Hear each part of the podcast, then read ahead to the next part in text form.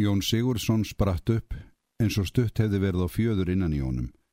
Hann satt á einstabeknum.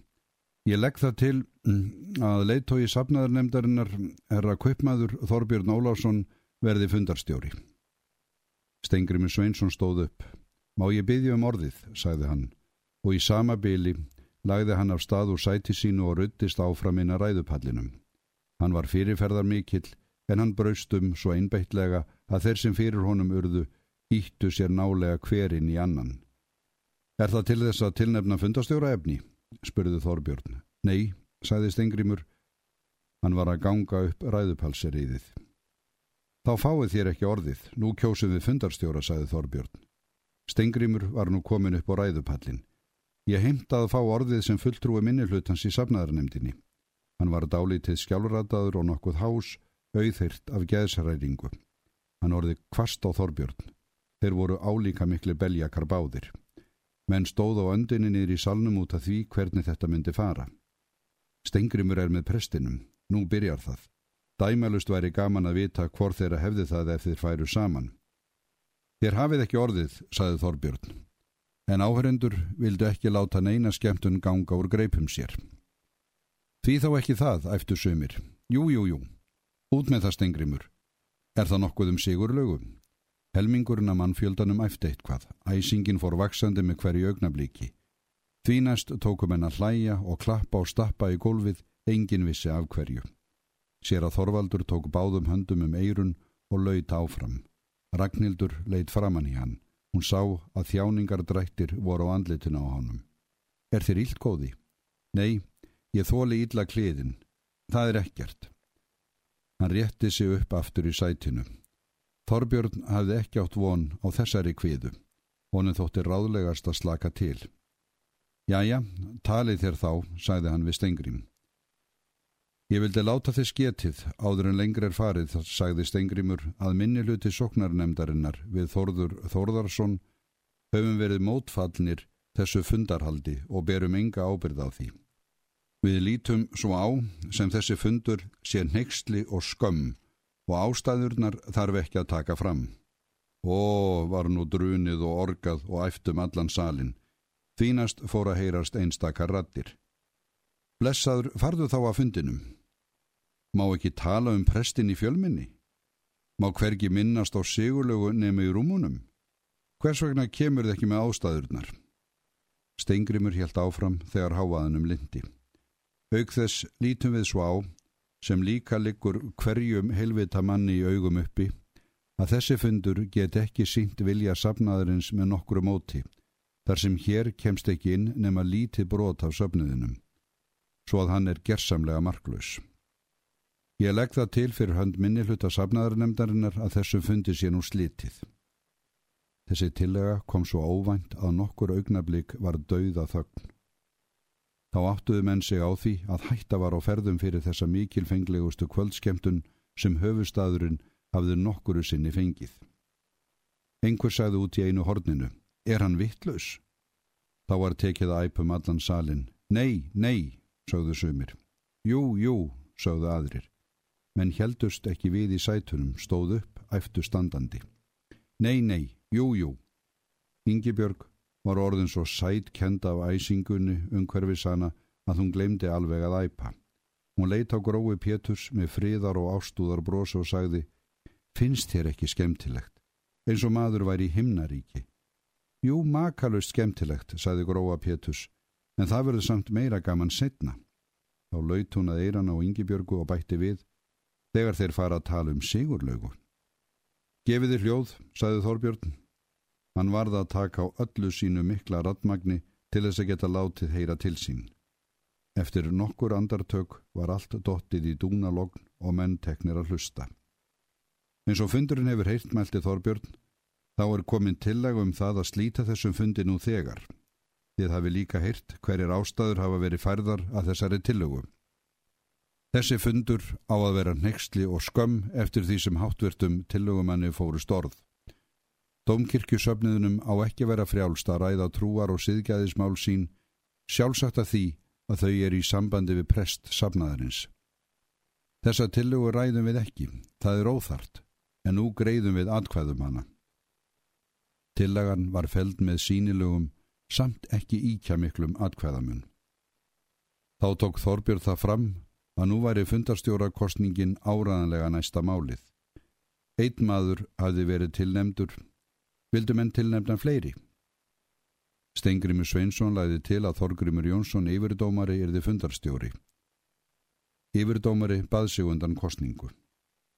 Eru fleiri tilnemningar, spurði Þorbjörn. Steinhljóð nokkur andartök. Fyrst ekki eru fleiri tilnemningar, stýri ég fundinum, sagði Þorbjörn, og þá er útrætt um það mál.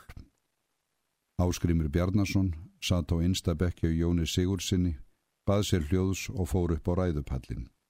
Menn voru þreyttir í byli og klöppuð ekki, en dauða þögn varði salnum. Menn voru þess albúnir að hlusta af öllum lífs og sálar kröftum, sumir vissu og aðri þóttust vita að nú væri von á aðalræðumanni gegn prestinum. Áskrými fórust orð og þessa leið. Ég er einn þeirra manna sem hefur sendt sapnaðarnemdina áskorunum að hveðja til þessa fundar. Ég ætla ekki að segja neitt ljótt um prestin. Ég geri mér að reglu að búast við hennu besta hjá öllum mönnum. Ég ætla jafnvel að gera ráð fyrir því að þessi sér að Þorvaldur hafi einhverja kosti. Ég hefi vitaskuld ekki orði varfið þá, en ég geri ráð fyrir þeim samt. Hlátur fram í salnum. Ég geri jafnvel ráð fyrir því að hann hafi einhverja hæfileika, þó að sjálfsart þyrta leita að þeim nokkuð vandlega og gætilega og ég hafi ekki verið svo heppin að koma auð á þá enn. Aftur hlátur. Eitt maður rópar Bravo! En eitt kost eða hæfileik, hvort sem þið viljið heldur, hefur þessi maður ekki. Hann er ekki færum að afla sér virðingar sapnaðarmanna sinna. Þið munið hvernig honu var tekið í haust að menn gerðu sér hinnar glæsilegustu vonir og þið vitið öll, vinir hans og mótstöðumenn, hvernig nú er komið. Fundurinn sá Arna sínir það hvernig sem atkvaðagreðslan fer. Þið vitið öll hverjar sakir hafa verið borðnar á prestin, þær hafa staðið í blöðunum og þær hafa verið rættarmann á meðal.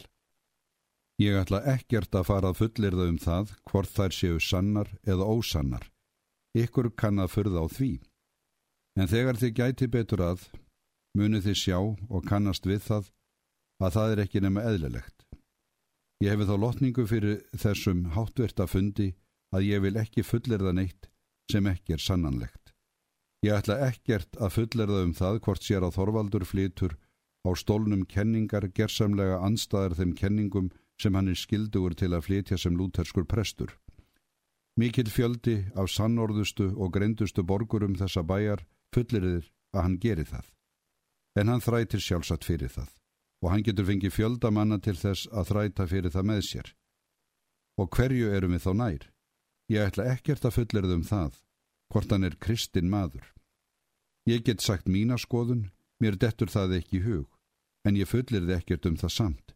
Ég get ekki sanna það. Ég fullirði ekkert um hvort hann á það óleifnaðar orð sem af honum fer.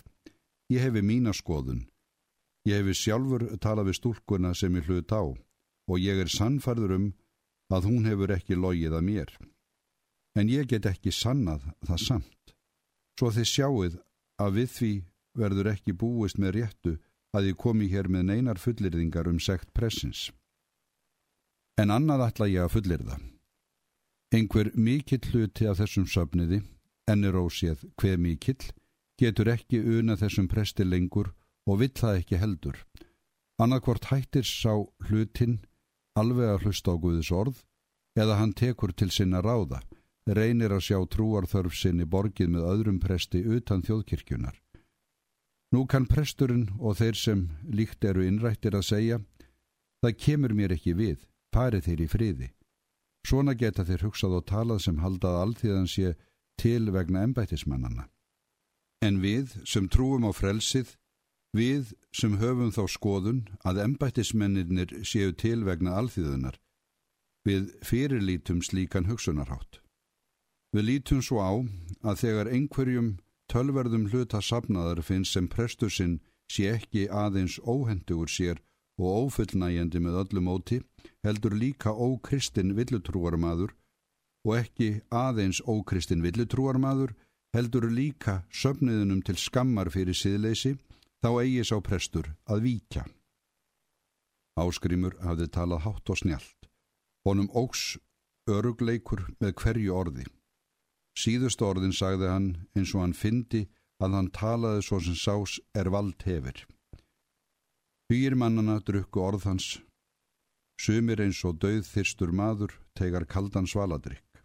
Aðrir eins og Ólífjan sem held væri ofan í þá með valdi. Sumir fyltust trúar ákefð og siðgæðis vandlæting sem þeir hafðu aldrei fundið til áður.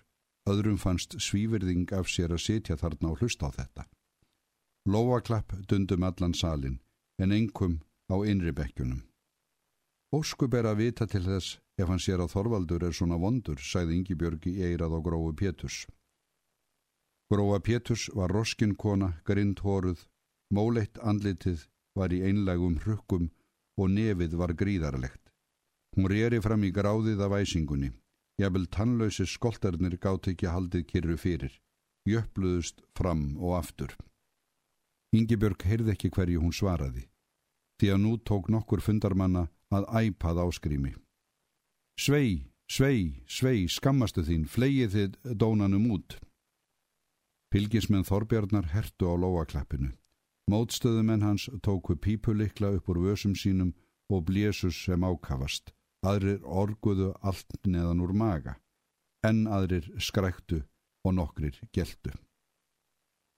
Mennirnir hætt að hugsa, glemdu því að hverju þeir voru að olmast svona, urða dýrum um stund, gyrndust það helst að rýfa hver annan sundur. Þrumurust Þorbjörnar barst út í glaumin, menn tók að láta sefast og hlusta. Þorbjörn kræfðist þess að ræðumenn væru látnir hafa næði til að tala, og fylgismenn pressins skildi ekki láta hann hafa sér til að impra hér á neinu ofbeldi. Bundurinn væri áraðanlega svomönnum skipaður að það yrði ekki þeir sem flegðu neinum út. Áskrimur fekk nú frið til að ljúka málu sínu. Sankvæm því sem ég hef nú sagt, leifi ég mér að anfenda fundarstjóra tillugu til fundarálugtunar sem ég skal nú lesa. Vegna þeirra miklu óanæju sem komin er upp í domkirkjusöfniði Reykjavíkur út af kenningum og breytni domkirkjuprests sér að Þorvalds Gunnarssonar skorar fundurinn á domkirkjuprestin að sleppa þessu ennbætti sínu. Ræðumadur neyði sig fyrir tilheyrundum sínum og gekk ofan að pallinum, menn þurftu nokkur andartök til þess að átta sig á tillögunni. Á meðan var dauða þögn. Sumur hafðu búist við einhverju öðru einhverju sem þeir vissu ekki hvað var, einhverju alveg dæmalösu. Þeir settu á sig vonbreiðasveip út af því að það var þá ekki annað en þetta.